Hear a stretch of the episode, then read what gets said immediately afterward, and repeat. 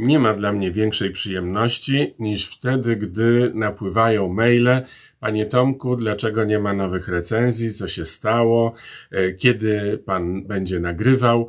E, bo mam wtedy wrażenie, że Państwo czekają na to, co będę miał do powiedzenia na temat kolejnych filmów. E, przepraszam za tę trochę dłuższą przerwę, bo najpierw to była po prostu przerwa świąteczna, mój wyjazd E, do Wiednia, bo chciałem w rytmie walca powitać nowy rok. No a potem doszło jakieś przeziębienie, ja mam skłonność do e, zapalenia zatok, a to się zwykle kończy jakimś katarem i e, nawet kłopotami z mówieniem, czego resztki dzisiaj mogą Państwo słyszeć. Także jestem usprawiedliwiony. Ale przez ten cały czas bardzo uważnie obserwowałem, co się dzieje i w kinach, i w kinie internetowym, nazwijmy to tak, bo te wszystkie platformy streamingowe tak naprawdę sprowadzają się do kina internetowego. No i w kinie internetowym nieprawdopodobny sukces odniósł oczywiście serial 1670, polski serial komediowy, pokazywany na platformie Netflix. Minęło już tyle czasu, że praktycznie wszyscy wypowiedzieli się na temat 1670. Czy to jest dobry serial, czy zły? E, ja też zresztą. Mm, więc może wykorzystajmy to, że jesteśmy w innym punkcie, już długo po premierze i odpowiem dzisiaj nie na pytanie, czy to jest dobry serial, czy zły, bo odpowiedź jest dobry, ale dlaczego jest dobry? A jeszcze bardziej, dlaczego ten serial tak bardzo się spodobał? Polakom, którzy są mm, trudną publicznością, jeśli idzie o komedię, którzy bardzo często w ogóle mają pewien dystans do własnych produkcji i są krytyczni, szczególnie jeśli to ląduje w repertuarze Netflixu bo jest to właściwie już teraz taki rodzaj mody, tak jak dawniej była moda na krytykowanie iPhone'ów, wcześniej na krytykowanie Microsoftu, teraz jest moda na e, krytykowanie Netflixa. E, czy słusznie, czy niesłusznie. Więc pomimo tej mody, takie zachwyty, z czego to się wzięło? No więc mam swoją teorię na ten temat. I moja pierwsza teoria jest taka, że to jest pierwszy serial komediowy polski od lat, który ma charakter inteligencki. Znaczy reprezentuje inteligenckie poczucie humoru.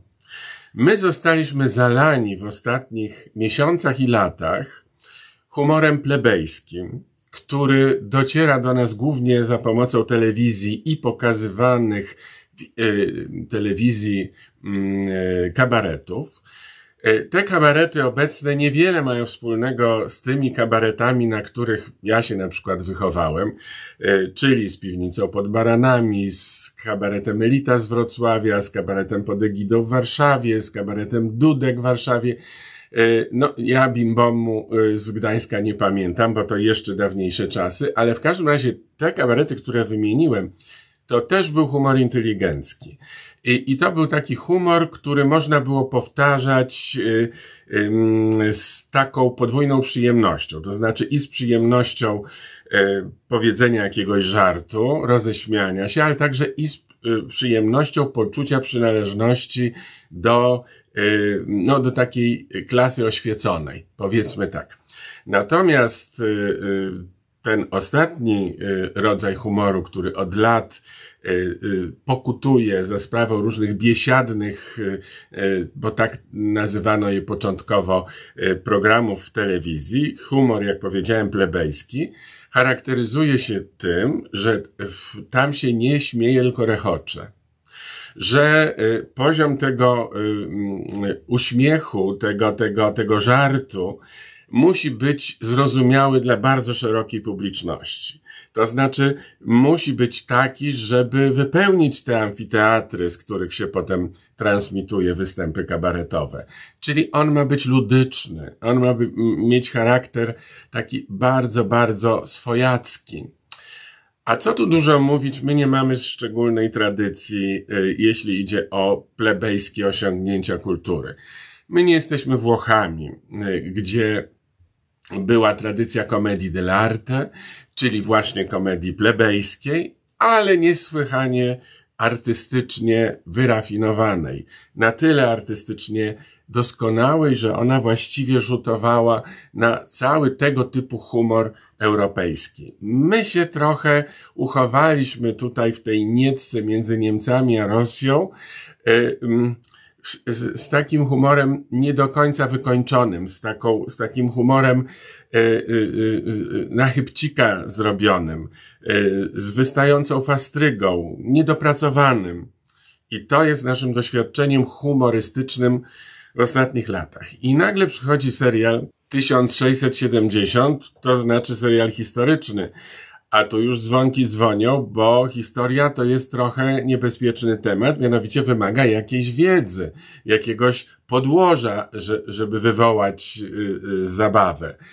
No a z tą wiedzą, jak wiadomo, szczególnie jeśli myślimy o szerokiej publiczności, jest kiepsko i to nawet coraz bardziej kiepsko. Y, w związku z tym te żarty, które jeszcze były zabawne 20-30 lat temu, dzisiaj są głuche, bo po prostu tak się patrzą y, słuchacze i myślą, o co mu chodzi, prawda? Więc to jest zadanie trudne, a jednak a jeśli to się udało, to zachodzi pytanie, dlaczego się udało? Czyżby dotyczyło to okresu historii Polski, który znamy bardzo dobrze? w ogóle nie znamy. Ja zrobiłem taki test wśród znajomych. I to takich znajomych wykształconych, którzy wydawałoby się, no, zdawali maturę, mają humanistyczne przygotowanie, generalnie powinni się e, orientować w historii polskiej. Zadajmy im takie najprostsze pytanie. Je, takie pytanie, jakie e, stawiać nauczyła mnie Anna Radziwił, moja nauczycielka historii. Ona zawsze mówiła tak. Mamy rok, e, powiedzmy, tysiąc, no niech będzie, 670. Tomku, powiedz mi, jak wygląda rolnictwo e, w Niderlandach. A ja mówiłem na to, ale pani profesor, to pani mnie pytała XVII wiek, a my doszliśmy do XV wieku. Na co e, Radziwiłka mówiła, no to w takim razie na podstawie tego, co wiesz o XV wieku w Niderlandach, wymyśl, jak będzie wyglądało rolnictwo, albo jak może wyglądać rolnictwo w połowie XVII wieku. No więc proszę, niech Państwo wymyślą odpowiedź na najprostsze pytanie. Mamy rok 1670, tylko bez zaglądania do Wikipedii. Kto teraz jest królem Polski? Dobrze, nie będę tutaj zgrywał cwaniaka. Y, uczyła mnie Anna Radziwił, a ja nie pamiętałem. Więc myślałem, myślałem, kombinowałem, wreszcie sprawdziłem. Michał Korybut Wiśniowiecki. Pamiętacie Państwo takiego króla? No on był krótko królem. Był bardzo młody, kiedy go rok wcześniej, w 1669 roku, posadzono na tronie. E, jego tatuś o to zadbał, którym cieszył się mirem i, i, i był dowódcą bardzo sławnym, więc syna mającego 29 lat wsadził na tron. To zawsze było w historii Polski ale nie wyszło mu to na zdrowie, bo porządził sobie parę lat i w 1673 roku umarł nagle. Podobno gruby był strasznie, ale podobno z przejedzenia się owocami. Więc nie wiem, może w ogóle to nie chodziło o to, może taką legendę dorobiono, że zeżarł za dużo jabłek i, i, i, i mu strzelił żołądek. Może był po prostu chory na żołądek, a może był chory na coś innego. W każdym razie legenda mówi, że zjadł za dużo owoców. No więc taki był ten nasz król, który nie pozostawił sobie y, po sobie w historii y, znacznych dokonań i nic dziwnego, że o nim zapominamy. Ale skoro już tak nam się podoba serial 1670, no to jest okazja, żeby sobie przypomnieć, że był taki Michał Korybut-Wiśniowiecki i że on rządził Polską właśnie wtedy, kiedy rozgrywa się ta cała historia. Ta cała e, historia rozgrywa się oczywiście nie w konkretnym miejscu, które możemy znaleźć, tylko no, to jest takie symboliczne, e, symboliczne miejsce, symboliczna wieść, symboliczny e, właściciel tej wsi i majątku, który się nazywa Jan Paweł Adamczewski. Jan Paweł oczywiście nieprzypadkowo, no bo Jan Paweł jest, jak wiemy, bardzo popularnym imieniem w Polsce. No ale ten Jan Paweł, którego gra Bartłomiej Topa, ma ambicje, żeby być najsławniejszym Janem Pawłem w polskiej historii. I wszystko robi w tym celu. W związku z tym, no, stara się nam pokazać, bo on jest narratorem. Bohaterem, ale i narratorem tej historii, tego serialu. I on nam przedstawia swój świat, swoją rodzinę, swoich chłopów. I poznając bliskich i dalszych ludzi otaczających naszego Jana Pawła Adamczewskiego, poznajemy tamten świat. I teraz na czym polega fenomen, że nam się ten świat tak bardzo podoba, mimo że Jan Paweł opowiadając o tym swoim świecie kompromituje go na każdym kroku i pokazuje, jaki to był świat mm, wsteczny, y, jak niesprawiedliwie traktowano ludzi, ile małostek i małości było w tamtym świecie. A my się z tego śmiejemy. Mimo, że zdajemy sobie sprawę, że te wszystkie wytykane cechy nie tyle są cechami Jana Pawła i jego otoczenia, tyle są, tylko są y, cechami naszymi, polskimi. Dlaczego my się za to nie obrażamy, tylko się śmiejemy? No, pierwszy argument jest taki, no bo to komedia, po to jest przecież komedia. No ale to nie z nami takie numery. My Polacy się obrażamy generalnie, jak, jak się nam wytyka nasze wady. Dlaczego to y, y, tym razem uchodzi? No uchodzi przede wszystkim dlatego, że jest w kostiumie. Że jest w kostiumie historycznym, więc to takie niby trochę nie nasze. Ale z drugiej strony bardzo nasze, ponieważ te postacie mówią właściwie naszym językiem odwołują się do naszych skojarzeń, do naszych powiedzeń, do naszych y, y, wyrażeń frazeologicznych, które są charakterystyczne dla współczesnego języka. Mam takie wrażenie, napiję się wody, przepraszam. Jak się przejdzie taką infekcję, to potem gardło jest osłabione, a ja staram się mówić wyraźnie i głośno, i wtedy struny głosowe siadają. Najlepsza na to jest ciepła woda. No więc dlaczego to się tutaj udało? Ponieważ my mamy zwykle kłopot, jeśli nas się zaprasza w głąb historii, bo to trzeba właśnie wejść do internetu, poszukać Wikipedia. Jak ktoś tradycjonalista, to wyjąć encyklopedię z półki, zdjąć, jeśli się ją ma na półce, jeśli się w ogóle ma półki z książkami jeszcze. No więc zajrzeć do tej encyklopedii, poszukać, po, po, po, po o, y, wertować strony. Ale tutaj nam ułatwiono sprawę. Ponieważ to nie my musimy iść do historii, do tego 670 roku, i dlatego nie wiemy ciągle, kto był wtedy królem, bo wcale tam nie musieliśmy zaglądać. Tylko historia przyszła do nas. I w tym starym kostiumie, ale wyglądającym jak kostium teatralny, i w takiej konwencji, że to jest w zasadzie teatr, mówi do nas naszym językiem, współczesnym językiem, ale puszczając oko, że to było wtedy. I przy takich założeniach i przy takich zastrzeżeniach my to kupujemy. I my się z tego śmiejemy. I nam się podoba. I nam się podoba i ta opowieść, i my się sobie bardzo podobamy, że nam się to podoba. My się sobie podobamy, bo mówimy, no proszę, jakie mamy poczucie humoru. Jak umiemy się z samych siebie śmiać. Nieprawdą jest to, co nam zarzucają. Właśnie Polak umie się z siebie śmiać, tylko komedia musi być dobra. Oczywiście coś w tym jest, ale też ułatwiono nam zadanie. Na tym polega po pierwsze ta niezwykłość popularności i yy, akceptacji serialu 1670 pokazywanego w Netflixie. Myślę, że stąd też wzięło się marzenie, powtarzane coraz częściej, że chcielibyśmy, aby była kontynuacja tego serialu. Polubiliśmy tych bohaterów, bo tam oprócz e, Jana Pawła jest jego żona, e, e, Zofia, moja żona Zofia, którą gra Katarzyna Herman, znakomicie gra. Zresztą Bartłomiej Topa to robi taką rolę, rzeczywiście, która się zapisze y, w jego biografii jako jedna z najlepszych. Martyna Byczkowska, młoda dziewczyna, y, która za, y, no, pokazała się ostatnio w ważnych rolach. Pamiętają Państwo serial, o którym niedawno mówiłem, absolutnie debiutanci. To też ona. Więc ona gra tutaj Anielę No, ale naprawdę tak nowocześnie gra, tak fajnie gra. Ona jest o krok dalej, ona nie o krok, o, o 15 kroków dalej w stronę nowoczesności od wszystkich pozostałych bohaterów tego serialu.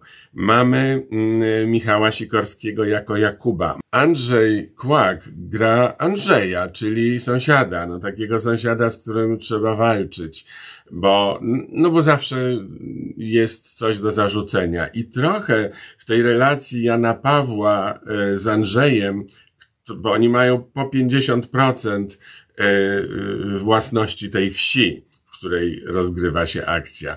E, więc są też trochę konkurentami. Podobno Andrzej ma odrobinę więcej, e, co mu wypomina Jan Paweł. Mm, trochę to przypomina samych swoich, prawda? A podejdź, że do płota. No trochę mamy tutaj także tego klimatu. Być może i to skojarzenie powoduje, że czujemy się jak u siebie w domu, że już mamy w genach e, trochę tego humoru, który od razu odnajdujemy, wyczuwamy i, i od razu e, przyswajamy jako, jako coś swojego, coś własnego. No i jest jeszcze postać Bogdana, którego gra Dobromir Dymecki. No, to jest taki charakter, powiedziałbym, tromtadracki.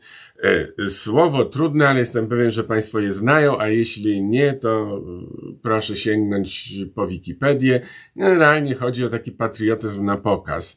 Nie zawsze mądry patriotyzm. I to jest właśnie domeną mm, Bogdana, który ma skrzydła husarskie i który różne głupoty robi i, y, no i daje się podpuszczać generalnie jest postacią bardzo komiczną i bardzo lubimy się z niego śmiać. A i Wyspiański by się tutaj też pożywił przy tym 1670, stałby z boku, patrzył, puszczał oko do bohaterów i mówił, no fajnie, fajnie, fajnie.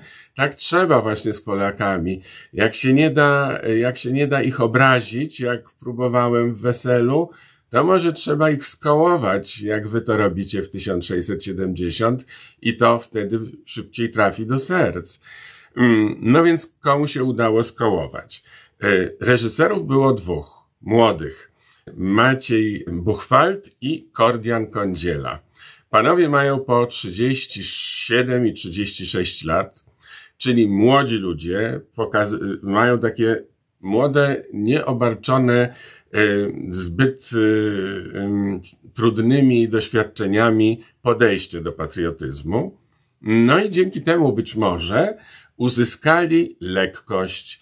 To jest kolejny, proszę Państwa, kolejna zaleta i kolejny powód, dla którego ten serial tak się podoba, bo on ma w sobie lekkość. Nie ma takiego ciężkiego mu mułowatości takiej ciężkiej, tylko ma w sobie Mm, zwinność taką myślową i lekkość i dowcip i miejsce na przymrużenie oka.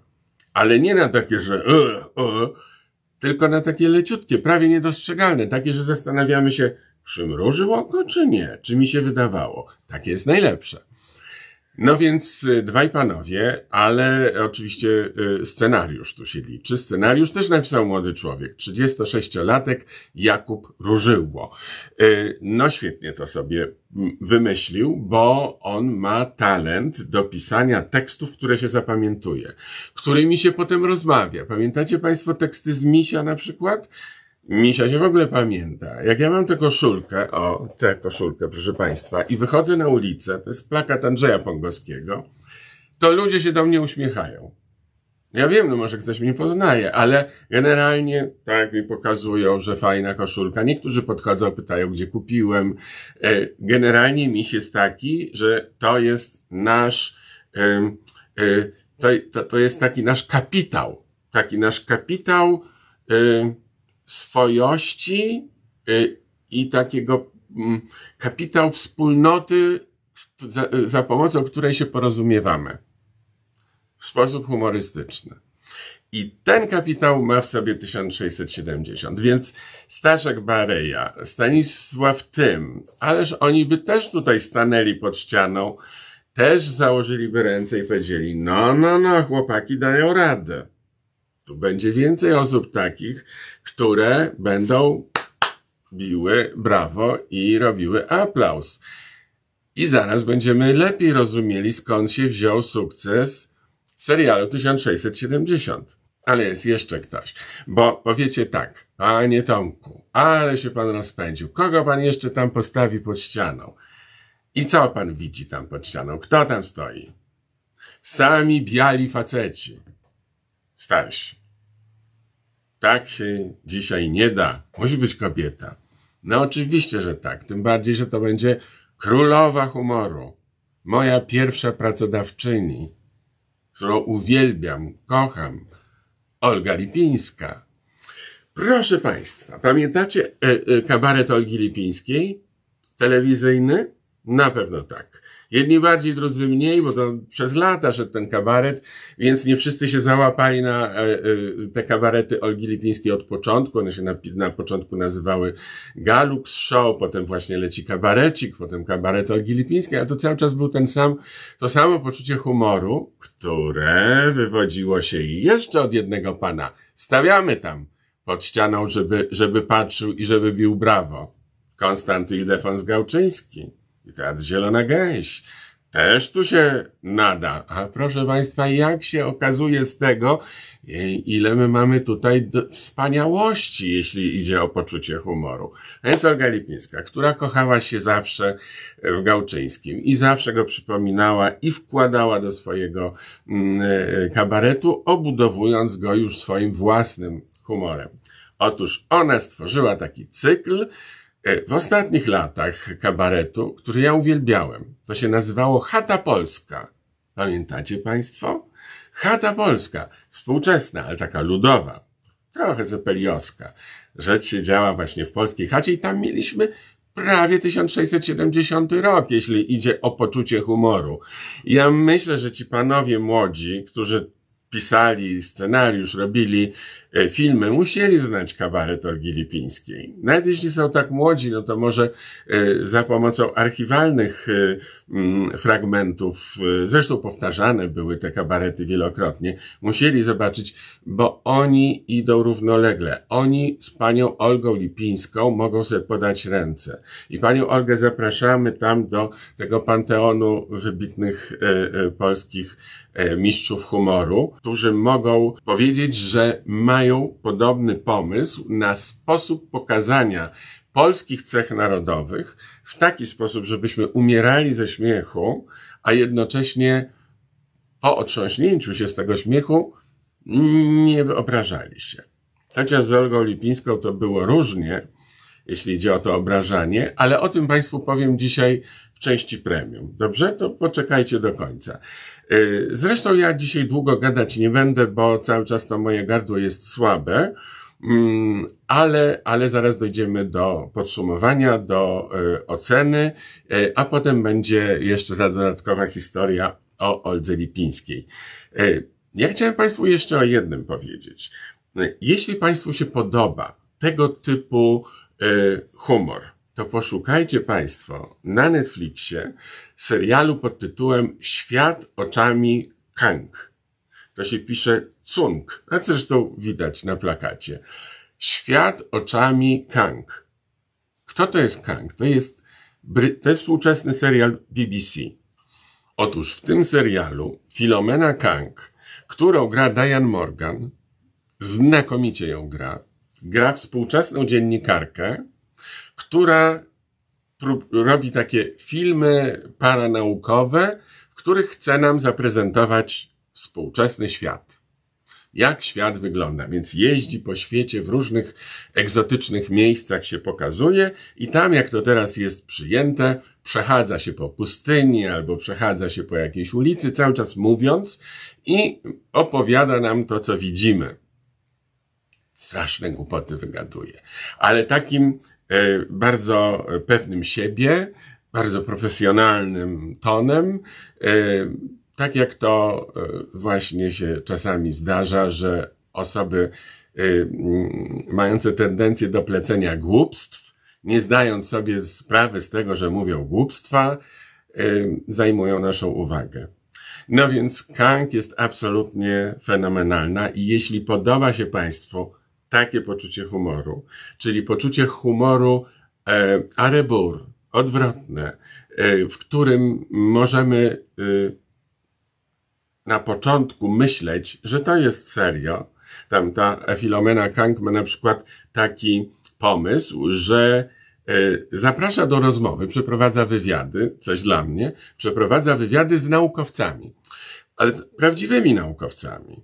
E, profesor taki, profesor tam, inny, dyrektor muzeum, British Museum i tak dalej. Sadza ich w jakiejś ładnej e, sali historycznej na fotelu i zadaje pytania. Pytania są świadczące o tym, że jest idiotką. Ale z pewną, pełną powagą zadaje pytanie profesorowi, tu idzie kamera i ten profesor no, nie wypada mu powiedzieć, pani jest idiotką. Więc patrzy tak z niedowierzaniem i nie, nie do końca jest pewien, czy to żarty są, czy naprawdę. Ale zorientowawszy się, że chyba to jest naprawdę, zaczynają jakoś delikatnie odpowiadać, tak żeby wybrnąć z tej głupoty. I jest następny y, y, profesor i następny dyrektor, jak to się dzisiaj mówi, eksperci. No więc kolejni eksperci z danej dziedziny i kolejni na naszych oczach przeżywają szok kulturowy polegający na y, zwarciu, na spotkaniu się wiedzy, erudycji z kompletnym brakiem erudycji, ale ten kompletny brak erudycji jest bezczelny. To znaczy, po pierwsze, nie przyjmuje do wiadomości, że nie ma erudycji i że jest głupi, a po drugie, jest bardzo z siebie zadowolony. No to Świat oczami Kang polecam Państwu na Netflixie e, serial e, produkcji angielskiej, czyli angielskie poczucie humoru, ale w wydaniu współczesnym i rewelacyjna Diane Morgan. To jest taki ode mnie e, dodatek, dorzucam do serialu 1670, a teraz już czas na ocenę, czyli najpierw będzie misa tybetańska, którą poprosimy o czysty dźwięk, dzisiaj podwójnie ważny, uwaga, misa kochana, czysty dźwięk dla czystych myśli i czystego głosu.